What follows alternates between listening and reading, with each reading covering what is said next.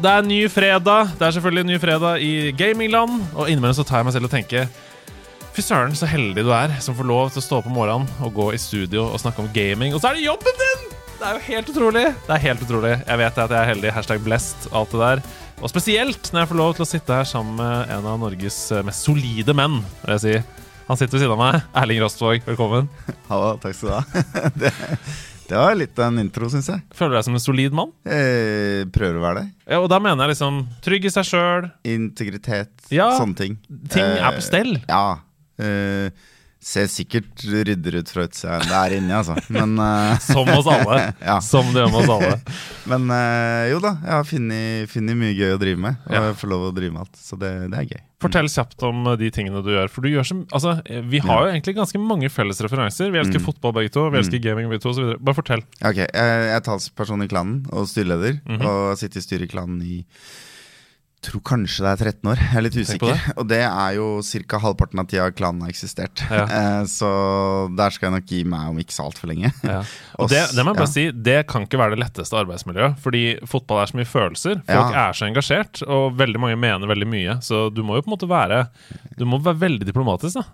Ja, eller villig til å ta en fight. Ja. Eh, det drøyeste jeg har vært med på i styresammenheng, er en fyr som, som reiser seg opp, steller seg på bordet, drar ned buksa og klasper seg selv på rumpa i trynet mitt. Fordi, for å illustrere at han ikke er keen på å bøye seg over og, og ta imot det som kommer.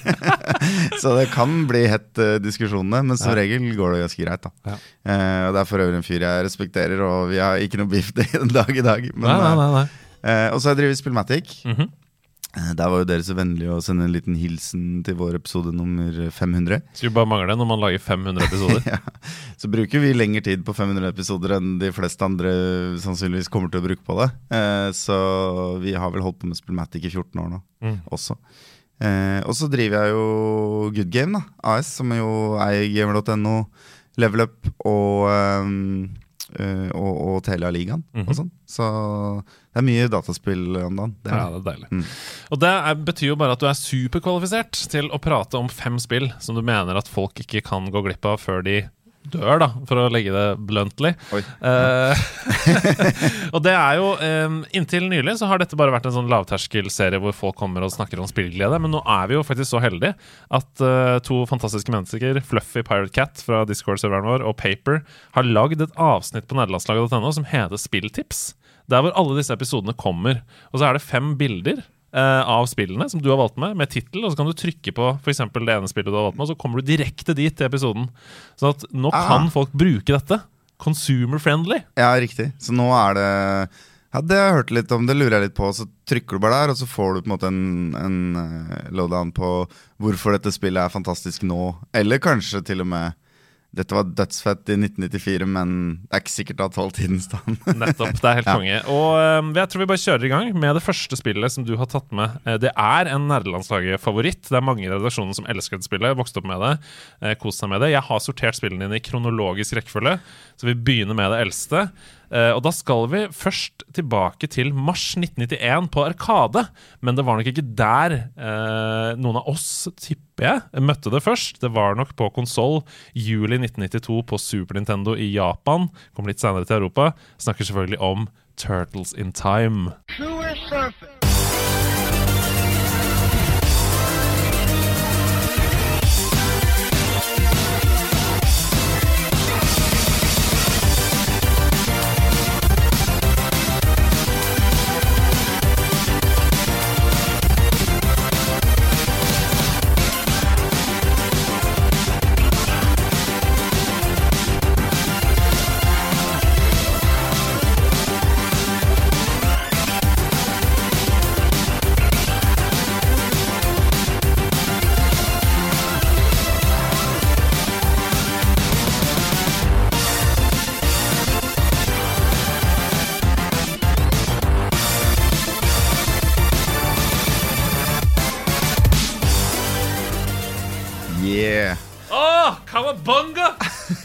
Det er et fantastisk spill, og For det passer jo litt å prate om det nå som den der Cowbanga Collection er ute. Mm. For nå kan du jo faktisk spille det på PlayStation. Eh, sammen med masse andre bra og ikke så bra Turtles-spill Har du fått, eh, har du fått testa det ennå? Cowbanga Collection? Så vidt, bare. Eh, sånn 20 minutter. Eh, prøvde en av de eldre Arkadeversjonene av Turtles, Ja. og ble jo Du ser jo veldig tydelig hvor Turtles in Time har inspirasjon fra. Det er, det er jo liksom animasjoner som bare er tatt rett fra det litt eldre spillet. Mm. Men du merker jo også at arkademaskiner er designa for å klemme mynter ut av deg. Eh, for det er noen meget urettferdige deler der. Vi hadde spørsmål på korktavla i nederlandslaget denne Mm. uka her som var sånn Hva hvis arkademaskinene sin betalingsmetode hadde tålt tidens tann? Hadde Mm. dere greid å spille Elden Ring hvis du måtte betale hver gang du døde? Ja, det er brutalt, ass. Men tenk på det, liksom. Det er jo helt sjukt at det var sånn. Mange av de spillene er så korte, egentlig. Altså sånn, Hvis du veit hva du driver med, så kan du runde på en time. Ja. Men fordi du kanskje aldri kom forbi brett nummer tre, eller et eller annet sånt, så har du liksom spillet i et år. da Det gjelder jo gamle Nintendo-spill og sånn også. Absolutt. Men Turtles Ja, fortell om Turtles in Time. Hva slags type spill er det? Hva er det du gjør? Uh, det er jo en sånn sidescroller brawler Mhm. eh, à la Double Dragon og Final Fight og de greiene der. Uh, men med Turtles, selvfølgelig. Var alles favorittskilpadder. Eh, og hvis jeg skal trekke inn på en måte um, eh, eh, to ting da som drar det spillet i veldig veldig stor grad, så er det jo på en måte eh, den derre lekenheten som følger med en, en, en litt sånn glad tegneserie- eller tegnefilmstil. Eh, og musikken, kanskje. Mm. Altså Du kan hoppe veldig høyt. eh, du kan liksom eh, kaste deg hodeløs liksom på kryss og tvers over brettet. Og det er veldig sånn Det er det jeg mener med lekenhet da i gameplayet. Mm. Eh, og så er det en originalmusikk i det spillet som er helt fantastisk mm. laga. Mm. Um, og jeg må bare si det at det kom jo en sånn uh, remake av Turtles in Time til PlayStation 3 eller noe sånt. Ja. Som jeg forsøkte å laste ned. Gleda meg skikkelig. Og den er helt elendig. Oi. Eh, for der har de modellert i 3D. Og det spillet har to store problemer. Fordi når du, når du har sånn, skal vi kalle det 2,5D, da Ja, At det er liksom flate figurer, men de kan gå innover i x antall hakk liksom opp Mm. og ned på skjermen, så, så får du en veldig sånn derre At du kan stå tre piksler nedafor, og så bomme fienden på deg, og så kan du liksom ta ett hakk opp, og så kan du slå den i trynet. Og på den måten så kan du nærme deg fiender øh, strategisk, da, og Mm. unngå å få masse juling. Uh, når de modellerte det spillet i 3D, så tok de liksom ikke høyde for at det endrer jo gameplay fullstendig, for da kan plutselig fiendene slå deg på skrå.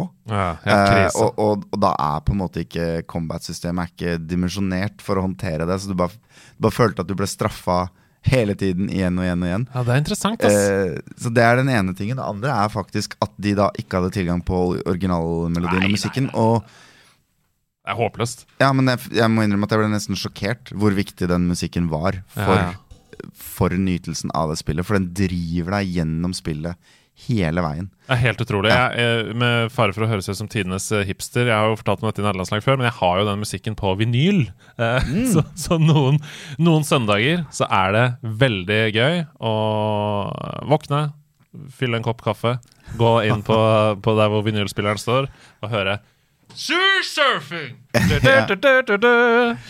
Ja, nei, det er, eh, det er et av mine liksom, all time favoritt-soundtrack, tror jeg. Mm. et topp top fem, eller noe sånt. Ja.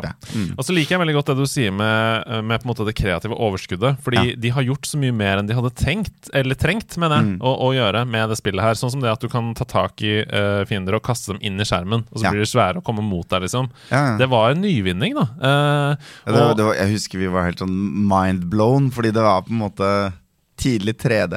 Føltes Ja, ja, ja, ja. Altså bare, oh shit Og så han blir større og kommer Du bryter fjerde veggen litt. ja, ja, for han ser deg i øya når du kaster mot Mm. eh, Når den fienden blir og, og så er det jo faktisk også en en boss som baserer seg på den mekanikken. da Hvor du Mm. må slenge eh, Slenge fotsoldatene inn i trynet på bossen. Så det er liksom POV til bossen. Jeg bare lurer på om ja. eh, Super Mario 64 ble inspirert av det. Fordi alle, alle ganger du møter Bowser i Super Mario Mm. 64, så må du jo kaste han på en mine. Ja, ja, Bare, ja, Jeg vet ikke om det ble det, men kanskje. Men eh, det som også er interessant, er at Snes-versjonen kontra mm. Arkade-versjonen har jo eh, et ekstra brett, og det er den heisen. Hvor, du, hvor det kommer Ja. fiender fra venstre og høyre, og du må, Mm. det kommer pizza du må spise for å holde deg i live og sånn. Ja. Og det var jo dritfett, og en helt annen type, for plutselig istedenfor å gå fra, ven, fra venstre mot høyre, så går Mm. du opp og ned, da, og du blir liksom møtt med fiender hele tiden. Det husker jeg tenkte sånn Wow, dette, var, dette er kult, Ja. og vanskelig, ikke minst. Men det er jo også et slags klassisk type brett. Mm. Blitt nå i ettertid, i hvert fall. Jeg er litt usikker på om Turtles var først eller sist med det, holdt jeg på å si. Men, men eh, det er jo på en måte mange, mange sånne eh, spill nå har liksom en heissekvens Mm. hvor du liksom er stuck et sted. Til og med God of War. I, ja. eh, for eh, rebooten. Ja. Der, der tar du en stor heis opp, og så kommer det fiender som du må ta. Yes. Og Gears of War. Ja. Eh, treeren, tror jeg. Alle Der. spill som er. GOW. Ja, ja, ja. de gjør det. Mm. Nei, men det er gøy. Turtles in Time det er jo et helt fantastisk spill. Uh, kan snakkes i hjel om, selvfølgelig.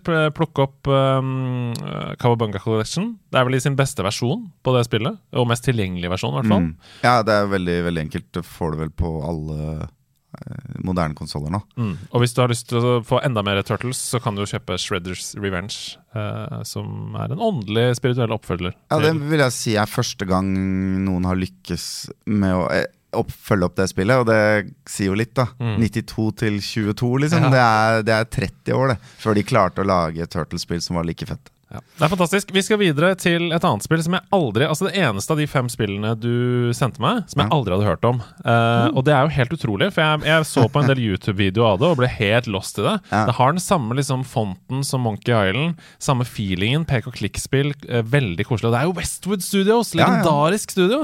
Uh, så jeg ble veldig intrigued av dette. Det kom i 1993, og det heter The Legend of Kyrandia. Hand of Fate.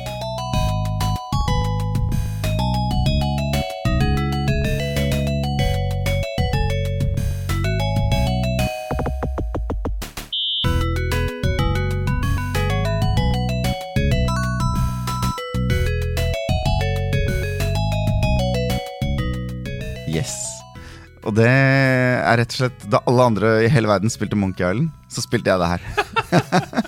jeg hadde ikke hørt om Monkey Island engang. på det punktet For sånn var det litt i gamle dager, pre-internett. Ja, ja, At det var litt sånn tilfeldig hva du snubla over. på en måte Åpenbart. Og det, i mitt tilfelle så handla det jo om hva min eh, stefar fikk på diskett av sine kompiser. Var Mm. det som bestemte hva jeg spilte på PC. Å, det er veldig gøy. Men hva, ok, hva, Vi har jo etablert at det er et 2D pek og klikk som ser Ja. Mm. veldig ut som den type spill. Altså The Dig, eh, Monkey Island, de spillene som kom på den tiden. Ja, og det, det er det andre spillet i Kyrandia-serien, eller Legend of Kyrandia-serien. Uh, jeg, jeg vil trekke fram det både fordi jeg syns det kanskje er det kuleste av dem, men også fordi det er det første jeg spilte. Så de andre er liksom testa i ettertid. da. Eh, og det har um, Sammenligna med det første spillet, så er det, er det litt Litt på en måte mindre brutalt vanskelig sånn kjøre seg fast-steder. Ah. Det er på en måte Jeg satt fast mye jeg da òg, men det var litt pga. språkproblemer, og jeg var Mm. Jeg ja, Hva var jeg? 13 eller noe sånt, ikke sant? Altså, så, så, det, så det var litt av grunnen. Men ehm, eh, spillet handler om at øya Karandia er i ferd med å forsvinne. Mm. Uh, altså sånn typ hele holmer og trær og steiner og sånn bare forsvinner i løse lufta. Og det må jeg bare si, det, Ja. Hvis jeg hadde vært kid, så hadde Ja. det gjort veldig inntrykk på meg. For jeg så introsekvensen på Ja. YouTube eh, Mm. da før vi skulle snakke om dette. Og det er jo faktisk eh, beskrevet Altså Du ser det i video, da. Mm. At steinen blir borte, treet blir borte Mm. på øya. Ja, og til og med ene liksom neset på øya bare forsvinner i løse lufta. Og det er jo ekstremt god historiefortelling. Ja. For det er jo sånn Wow, ok, jeg har, jeg har dårlig tid. Ja, du føler virkelig at du har dårlig tid. Og Ja. Selvfølgelig har du jo ikke det, Nei. eh, for det er et pek og klikk-spill. Så du, spillet går ikke videre før du har kommet deg videre. Det er ikke stressende heller. Det jeg Nei. mener er bare at det står noe på spill. da Mm. er det jeg mener Ja, ja. Og det, Uh, det, uh, det er jo da den yngste troll... Eller mystikken og alkemi, alkymisten alky, ja. uh, Alkymisten, i, ja, alkymisten ja. i, um, i kongedømmet, som da får i oppdrag å dra ned til eh, jordas indre for å finne en ankerstein som skal på en måte forankre øya eh, i virkeligheten.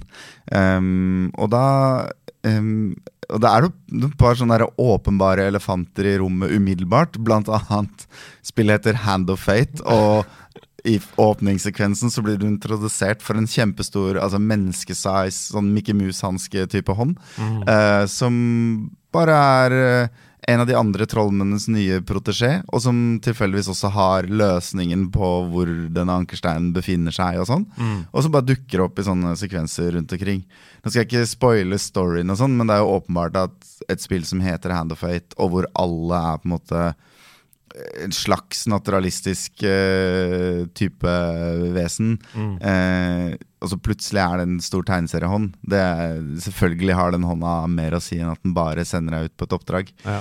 Um, men det er, en av grunnene til at jeg liker dette uh, spillet ganske godt, um, er jo at du spiller uh, Santhia, som er en, en kvinne som er, som er jævlig beintøff, liksom. Og det var så viktig for meg å sette fokus på også, Ja. når vi skulle snakke om dette. Fordi hun er jo bare dritkul. Ja, fordi i eneren så spiller du en tronarving som ikke vet at han er tronarving og ikke skjønner en dritt. Så Nei, går liksom bare rundt og er idiot i hele eneren. Ja. Mens i toeren så er det Noe av det første du gjør, er å du, Huset hennes ligger i en sånn derre mystisk myrområde, og så stikker det et par øyne opp av myra. Hvis du klikker på det, så kommer det et sånn kjempemonster, og så tenker du 'nå dør jeg'. Ja. Og Santhia hun bare tar tak i tunga på det monsteret og knyter en knute på det og sier 'fuck off', liksom. Ja, ja. Så hun er liksom etablert som en ganske sånn snarky, beintøff dame. Og så er det så utrolig befriende med et spill fra 1993 som har en kvinnelig hovedperson, Ja. for det første, som ikke spiller på sex. Altså som ikke er uh, skrevet etter noen menn uh, sin på en måte drømmebilde. da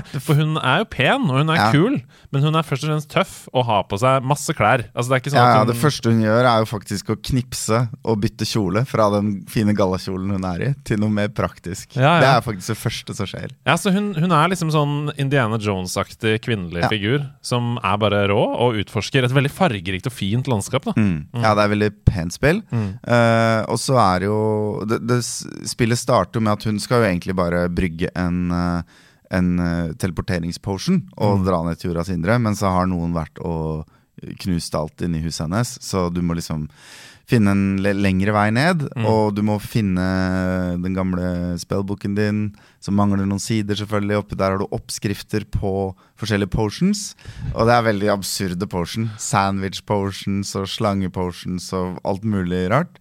Eh, og så skal du rett og slett blande ingredienser etter en oppskriftsbok da, eh, for å lage en potion som typisk tar deg videre forbi et eller annet hinder. da. Det kan være at det bare er en fyr som er sulten, da, som vil ha en sandwich. Da må du brygge en sandwich potion og helle den ut, og så blir den til en sandwich.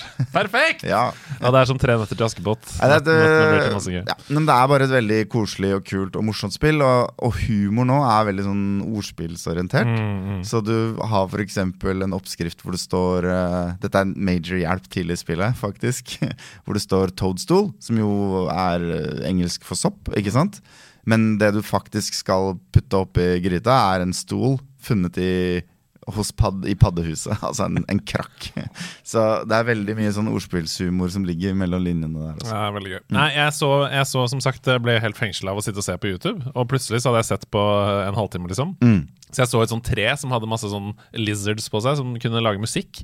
Ja. Så du måtte gjøre et memory puzzle. Og så Ja. seinere kommer du til et annet sted med tilsvarende lyder og farger, Oh. og da må du huske den rekkefølgen. Wow, det er irriterende.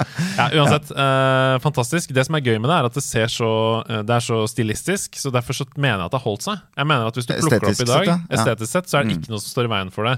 Litt irriterende at du må liksom trykke på ett side av bildet, og så går hun i ti minutter Ja. på en måte før hun kommer. Som mange gamle pek og klikk-spill lider under. er sånn, det er en litt sånn innebygd treghet i spillet. Mm. Eh, og det er vel det eneste jeg har utsatt på dag i dag. Men ellers så ble jeg veldig intrigued. Jeg tror faktisk jeg har lyst til å bare prøve det. Det er ikke tilgjengelig på ut. Perfekt. Da blir, det, da blir det en test til helgen. Det gleder jeg meg til når jeg blir ferdig med Splatoon 3, som jeg driver og anmelder eh, nå. Ok, vi skal videre. Vi skal hoppe noen år fram i tid. Det skal vi ikke. Vi skal være nøyaktig samme år, oh, ja. eh, 1993. og dette er 17. desember. Helt mot slutten av året rakk julesalget så vidt dette spillet, og det eh, tror jeg var viktig for dem. For det er åpenbart et veldig eh, spill som hadde mye forventning knytta til seg. Vi skal til en liten robotfyr, eh, og til et av de kuleste coverne i denne serien, syns jeg. Eh, Super Nintendo-coveret. Det 17. desember, som sagt. Megaman X.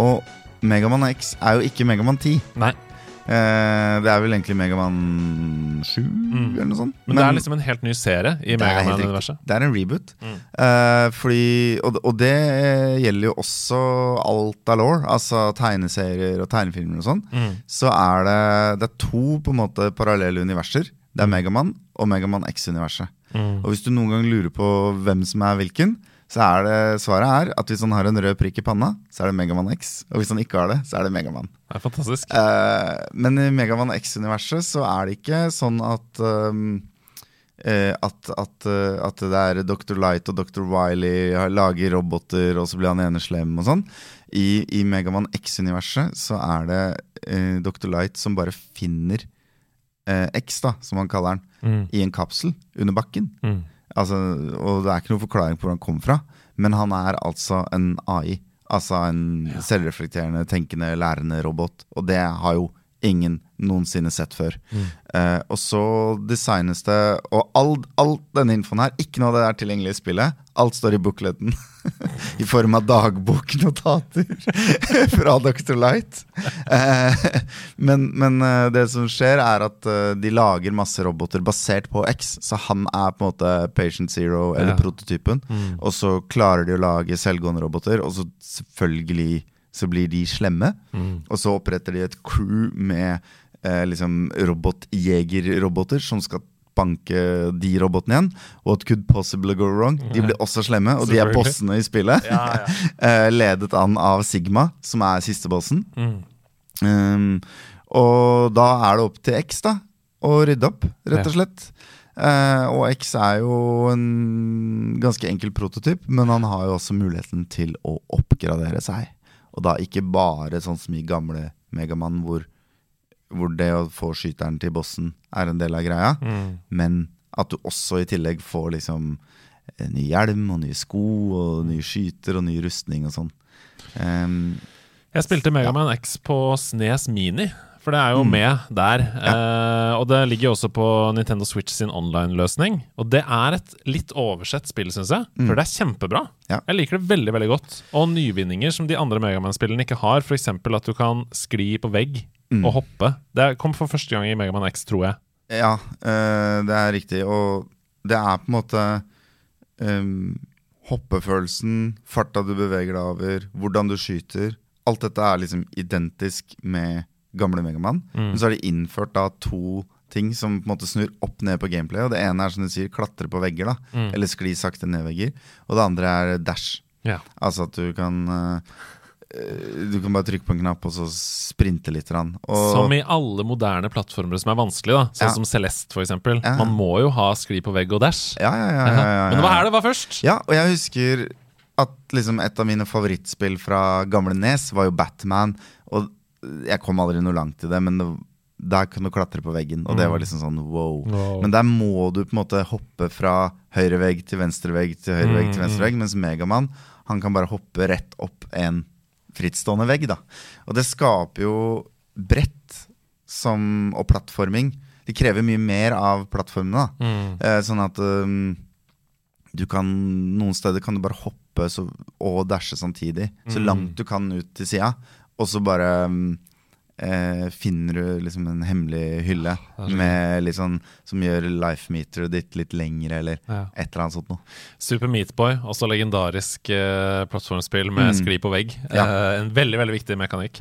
Kan, Men ja, kan jeg bare si noe om førstebrettet på Megaman? absolutt. Ja, fordi det er et av de aller beste eksemplene jeg veit på hvordan et dataspill lærer deg Ja. et spill uten å faktisk eh, skrive det i en bok eller i form av tekst eller noen ting. Mm. Og det er altså så helt sjukt gjennomført, det spillet.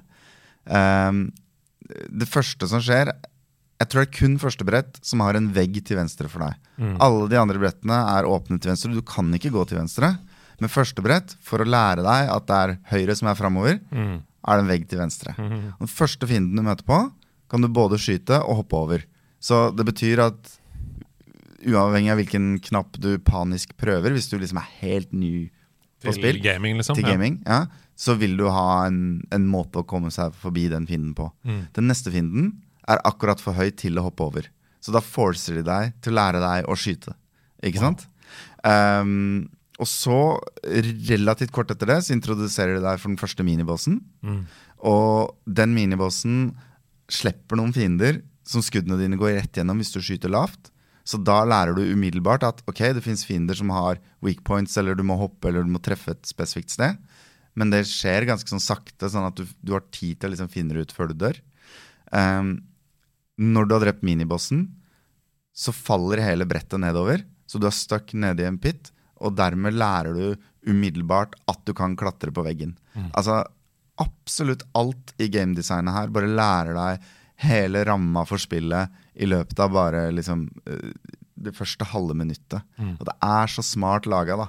Det er så smart laga at du ikke legger merke til det sjøl. Nei, Liksom. for jeg har jo selvfølgelig ikke tenkt over dette. Nei. Jeg har bare lært mekanikkene mens jeg har spilt det. Og det er jo de absolutt beste tutorialene som finnes der ute. Det er det. I motsetning til Pokémon Legends Arcus, som bruker 45 minutter på å Ja, lære det er et par Zelda-spill der ute også som må skamme seg. Eh, hvor du liksom flyr rundt i Kakariko Village i tre timer før du liksom Ja, kommer er deg noe sted. Eh, og så må jeg trekke fram musikken her òg. Ja, ja. For det er liksom kanskje også på topp fem-lista mi.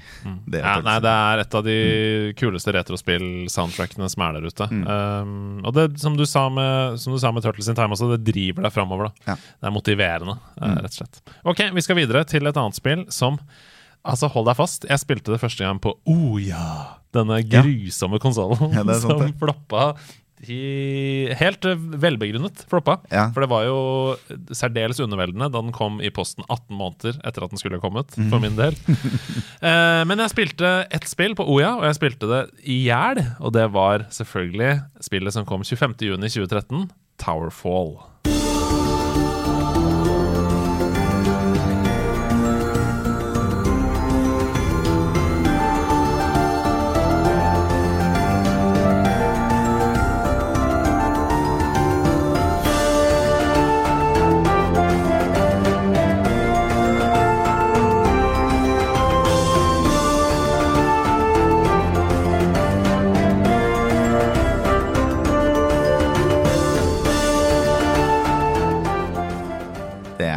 Towerfall Ascension. Ja, Ja. eh, på Windows. Men på Switch eh, heter det Towerfall. Eh, På alle andre konsoller, altså f.eks. Oya, så heter det Towerfall Ascension. Ja. Så jeg bare sa Towerfall fordi da får vi også med de som har spilt det på Switch. Skjønner. Ja. nei, men øhm, øh, jeg, på, på den der øh, Teknisk museum-utstillingen, Mhm. Games 2.0 eller hva den het, Ja, ja, så var jo faktisk en Oya-konsoll med det spillet på utstilt. Så der gikk det an å teste det. Mm. Det er veldig gøy. Det, den konsollen, ass. Vi, det, vi må lage en egen sidequest bare om den Mm. konsollen, tror jeg. Uh, Det var kickstarta, var det ikke det? Jo, jo, absolutt. Og for en studie i markedsføring. Uh, ja, Det skal vi snakke om en annen gang. Men Towerfall Ascension, eller Towerfall, eller hva? Veldig enkelt uh, konsept. Uh, det er et enskjermsbrett à la Bubble Bubble eller det der Super Mario-spillet med den powerblokka i midten. Ja. Uh, eller liksom Og ja. det kan du faktisk Det er ved Super Mario 3. Hvis du går inn i start Ja. Altså Hvis du går på, Hvis du kommer i peperte, peperte, Mm. peperte, pep, Altså første brettet, og så bare trykker på start på start-brikken, Mm. altså ikke level 1, men start, Ja. da blir det en 1v1 mot Luigi Ja. med dem pow i midten. Riktig. Og um, Det hadde jeg glemt, men det, det er faktisk helt riktig. Uh, og um, spillet er veldig enkelt. Uh, når du spiller uh, hva skal jeg si, campaignen, Mm. så spawner du fiender rundt på brettet, og så er du en liten uh, fyr eller fyrinne som skal uh, enten hoppe på disse fiendene eller skyte dem med pil og bue. Mm. Og du har eh, kun tre piler. Mm. Men pilene blir stående i veggen og sånn, så du kan plukke de opp. Ja. Um, og Du så kan er skyte sånn både oppover og sidelengs. Du kan skyte opp og ned og på skrå, og så er det en sånn slags sånn lite hint av homing. Du får bitte litt hjelp, så hvis Mm. du liksom bommer med noen piksler, så bare snur pila og treffer allikevel. og sånn. Perfekt. Ehm, og så er det sånn at hvis du faller ned Noen brett har hull i bånn. Mm. Da kommer du ut på toppen. Og hvis du går ut på høyre side, så kommer du ut på venstre side. Og du kan også skyte piler opp og ned og sånn. Og du kan skyte piler rett opp og treffe deg sjøl i huet og dø. Mm. Så det er veldig sånn Det er sånn veldig basic grunnsett med eh, fysikkregler. Mm. Og de er liksom tatt til det ekstreme. Til det ytterste. Det er litt Eh, den, nådeløst. litt den måten å tenke på som Portal også gjør. Ja. At du må liksom hele tiden forholde deg til at uh, den blir ikke bare borte hvis du skyter den ut av skjermen. Den Mm. kommer tilbake igjen, liksom. Ja. Uh, jeg har dødd så mange ganger fordi jeg har skutt, meg sjøl. Eh, men det, det som virkelig er uh, hva skal jeg si, indrefileten i det spillet her, er jo ikke campaignen. Det er jo det å sette seg ned med tre kompiser og skyte hverandre. Mm. Fire stykker på én skjerm. Og min favoritt-game mode er Headhunters. Altså at man spiller brett på brett på brett til en av dere har fått f.eks. Liksom 15 poeng. da Mm. Og kill er et poeng, men et selvmord er også et minuspoeng. og det betyr også at du har situasjoner hvor på en måte eh, Du kan lede Du kan ha, være ett poeng unna å vinne, Mm. og så starter du et nytt game, og så er det en annen fyr som tar alle tre killsa, så er det han som vinner. Ah, det er så Og det, det går an. Eller at du på en måte ja, dreper deg selv og koster deg sjøl en uh, seier. Da.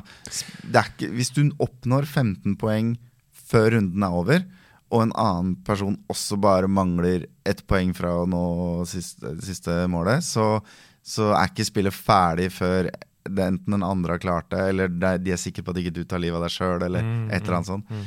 Ja, Det er veldig gøy. Det, det kan sammenlignes med den samme følelsen som man hadde fire personer på én skjerm med battle mode i Mario Kart 64. Ja. Da hadde du tre ballonger over karten din, og så Ja. kjørte man rundt på maps, og så skjøt man hverandre. For Hvis du Mm. skjøt deg sjøl med et skall der, så mista du jo åpenbart Ja, en ballong.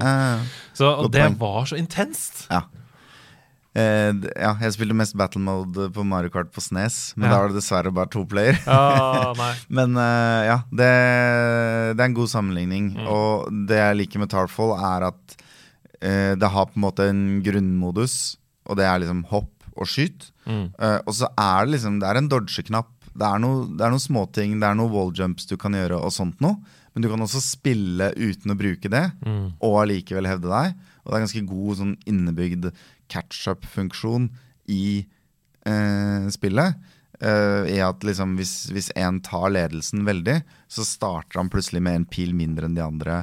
Eller de andre starter med skjold, så du må skyte dem to ganger. Mm. Og liksom, sånn at eh, det blir veldig ofte eh, jevnt. Selv om det er én i rommet som har spilt det masse, Mm. og de andre har spilt det lite. Så er det ikke noen sånn garanti at den som kan spille, vinner hver gang. Det er veldig gøy at du påpeker det, for det står også her i artikkelen jeg sitter med foran meg, at anmeldere Mm. uh, skrøt veldig av balanseringen Ja. i spillet, og sammenligner det ofte med Smash Bros. Hvis man skal si, snakke om et lignende spill. Og da tenker jeg nok mer på stemningen og den følelsen man har når man spiller det mot hverandre. Fordi Ja. Smash Bros er åpenbart et helt annet type spill. Ja, og der er det mye mer brutalt hvis Ja. en er best. Mye mer Ja. skill-basert. Mm. Uh, men den der følelsen, fire stykker på én skjerm, Mm. nå spiller vi noe sammen, uh, og ler og jubler og pælmer kontrollen i veggen. Første gang jeg spilte det spillet, så var vi en gjeng på Jeg tror vi var seks stykker hjemme hos meg i kollektivet. Og så hadde han ene hadde fått henda på en PlayStation 4 relativt tidlig i, i prosessen. Og så var det liksom var ingen spill. Nei, nei, nei. nei. Det var veldig veldig få spill. PlayStation 4-launchen var jo helt krise. og da fikk vi tak i Towerfall. Ja. Bare testa vi det. Skulle vi bare teste det litt. Installerte det sånn i åttetida på kvelden. Og så plutselig var det noen som, på, som så på klokka, så var den tre på natta. Da hadde vi bare sendt Da hadde vi til hver tid vært fire som spilte, og to som så på, og så kjørte det på rundgang. Og det var bare helt fantastisk. Time of our lives. Um, Towerful Ascension har holdt seg som uh, Altså som wienerpølse i lompe. Det er så bra fortsatt, og du kan spille det på alle konsoller. Og du kan spille det på PC. Så plukk det opp hvis du har lyst til å spille med eller mot vennene dine. Um, uansett. Ok, vi skal til det siste spillet på lista di. Og det skiller seg fra de andre ganske greit, for dette er jo en, et epos eh, vi skal Ja. fram til her. Eh, det kom eh, 28.2.2017 eh, og er et helt fantastisk spill. Og jeg elsker at det nok en gang er en eh, sterk og kul hovedrolle, kvinnelig, som ikke spiller på sex. Det er selvfølgelig Horizon Zero Dawn.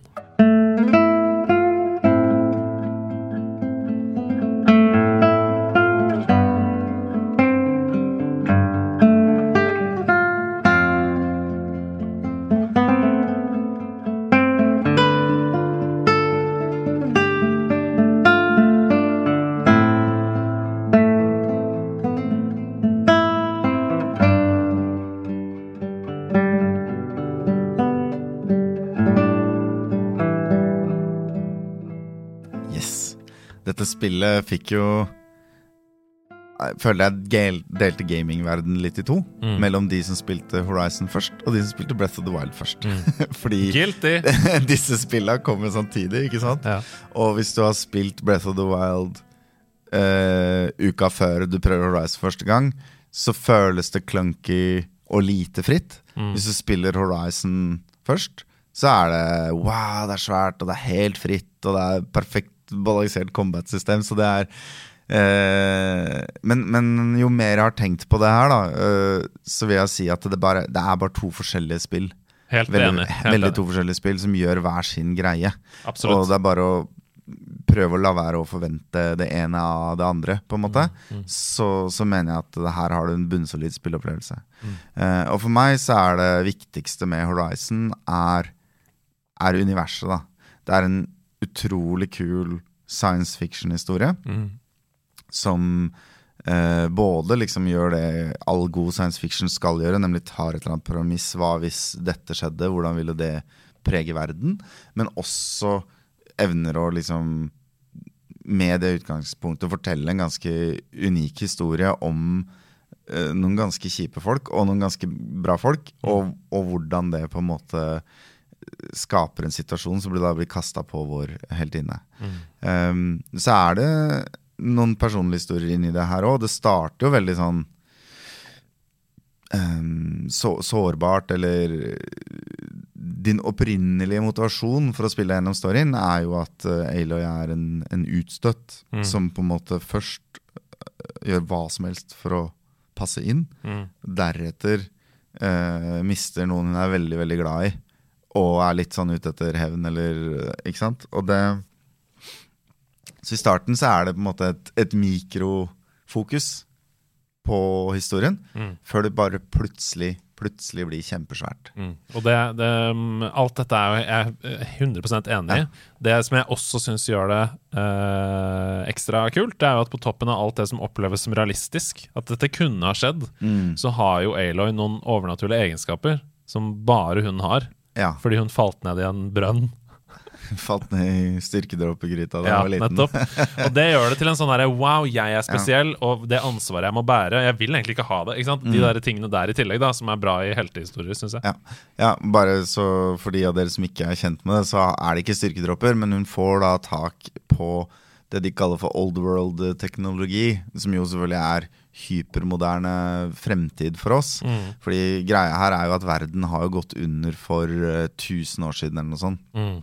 Eller hvis ikke det er 3000, jeg husker ikke. Ja, det er. Og, og, og menneskeheten er på en måte redusert til en bunch med liksom basically eh, innfødte stammer, da. Mm. eh, som kler seg i skinn og, og skyter med pil og bue, omtrent. Mm. Og så, men så går det robotdyr og dinosaurer rundt på planeten.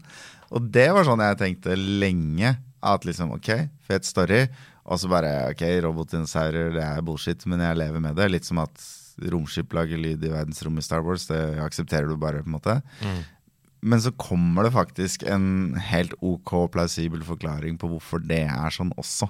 Uh, og det bare var med på å sette to streker under svaret for min del. Da. Ja, jeg, jeg ble også sånn OK, shit, her er det noen som har tenkt da det skjedde. Ja. Det som du snakker om nå Og vi må ikke spoile det, fordi eh, selv om det er et spill fra 2017, eh, så det er fem år gammelt, så er det fortsatt helt vanvittig bra. Og jeg kjenner mange fortsatt som mener at Zero Dawn er et bedre spill enn Forbidden West. Ja, det Eh, er jeg vel egentlig ganske enig i. ja. Ja. Eh, og Forbidden West er ikke noe dårlig. Bare sånn at det er sagt. Nei, det er ikke dårlig. Eh, hvis jeg skal utsette én ting på Jeg, jeg syns jo folka i Guerrilla Games da, som har laga dette, er veldig gode på å tegne gode uh, science fiction-univers og komme opp med kule konsepter. Og de er også ganske gode på å liksom ta det der at du har ett mål og en fiende før det liksom kommer noe inn fra sidelinja som er enda større eller enda vanskeligere eller enda skumlere. Og, og det er de ganske gode på. Men de er ganske dårlige på historiefortelling. Eh, fordi det er en kul historie fortalt på en litt treig måte. Og når du på en måte er forbi det første målet ditt i Horizon Zero Dawn, så er det en par timer egentlig dødtid der. Mm. Så mitt liksom soleklare tips til folk som eh, skal spille her, er å vente med Sidequest, gønne Helt Eh, ganske lenge. Ja, helt hvert fall ca. Sånn halvveis i spillet. Fordi da får du disse dryppene av hva er det som har skjedd, hvorfor er ting og sånn. Og da er du investert nok og inni det til at du kan begynne å bare dulle rundt i den verdenen. Helt enig. Mm. Du, må, du må få den der, um, følelsen av at hvorfor lever jeg i denne verden, Mm. og hvorfor er jeg her, før du kan begynne å grave deg ned i det. Litt Ja. som med Skyrim også. Det, Ja. det spillet blir mye bedre hvis man kjører eh, main story Ja. ganske, og så begynner å fordype seg i Sidequest. Og, og der er jo Forbidden West enda dårligere. ja, dessverre. dessverre. dessverre. Eh, der tok det enda lengre tid før man kommer i gang, og ikke minst så har du ikke liksom origin storyen til Aloy å, til å holde deg motivert i starten. Mm. Så det er på en måte det jeg har å si som er den sterkeste kritikken da, mot Mm. det spillet. Men hvis du ikke har spilt disse spillene, så er det altså fantastiske RPG-spill der hvor du bruker våpen, spyd, stealth for Mm. å drepe deg vei gjennom en uh, kjempegod historie. Og du også blir stilt med sånne moralske dilemmaer om hva som skal leve og hva som skal dø, og hva som er ekte og ikke ekte, altså hva som er organisk. da. Er det, er, har dette robotdyret en eh, vilje, f.eks., selv om det er skapt av eh, noe en gang? Altså, det er hjerteskjærende å stikke spydet ditt inn i noe som er en maskin. Ja. Fordi det skriker som om det er et Altså Det er noen sånne dilemmaer du står overfor. da Ja, og så er det jo Når det kommer til kamp, så er jo Altså, nå, nå skal jeg ikke være fundamentalistisk her, fordi kona mi for eksempel har spilt gjennom dette spillet på easy bare for å få storyen, Mm. og koser seg med det. Og så Ja. det er sånn én pil på en fiende, så bare faller den. Mm. Men hvis du er keen på å på måte, nyte gamemekanikken til det fulle, da, og utfordre deg sjøl litt, så vil jeg anbefale å spille det på normal, og, eller kanskje til og med hard. Fordi da blir du tvunget til å løse disse puzzle, eller disse gåtene som hver enkelt kamp byr på. Mm. For det er litt av greia, at alle fiendene består av masse maskindeler, fordi de er kjempesvære roboter. Og skal du klare å ta de ned, så må du rett og slett være strategisk. Du må bruke eh, ildpiler eller ispiler, avhengig av hva slags fiender du møter. Du må kanskje skyte av dem rustning for å åpne et svakt punkt som du så må liksom sikte bullseye og treffe for å gjøre nok skade til å være i stand til å drepe de før de bare slakter deg. Altså Mm. det, det er et element som ikke så mye i starten, men etter hvert som jeg fikk litt leveler og fikk litt skill points og sånn, virkelig koste meg med. Da ble det på en måte en sånn zen-greie å legge ned et kjempebeist òg. Det er Liksom the kjempegøy. beauty of the hunt Ja, på en eller annen måte. ja, det føles som Shadow of the Colossus. Sånn her, her er det noe som, ikke, som er uberegnelig, som jeg må forstå før jeg kan ta det ned. Mm. Ja. Uh, og Det er veldig veldig fint. Jeg er helt enig. Tusen takk for fem fantastiske spill, eh, Erling. Bare uh, er det noe du har lyst til å legge til til slutt? Hva, hva skal folk uh, tenke når de tar fatt på lista di? Nei, de det er vel um Det jeg er egentlig litt glad for. eh, som jeg, jeg bare ramsa jo opp spill før jeg egentlig tenkte meg om, men, men alle disse spillene er jo faktisk mulig å få tak i uten å liksom gå på eBay. Ja. så, så det er egentlig bare å slå seg løs. Eh, og noen av de er sosiale happenings, og noen av de er eh, noe du kan drive for deg sjøl. Så da tenker jeg at rekkefølgen det bestemmer jo hvor fort du får besøk neste gang. Fantastisk siste ord der. Eh, tusen takk for at du hører på, eh, kjære lytter. Ha en nydelig helg, og så snakkes vi igjen neste uke. Da skal vi fordype oss ned i et spillselskap igjen. Og det er jo en av mine favorittserier, 40 store spillselskap. Og denne gangen så er det ingen ringere enn det bitte lille selskapet Blizzard vi skal snakke om. det blir gøy! Ok, vi snakkes. Ha det bra, folkens. Hei.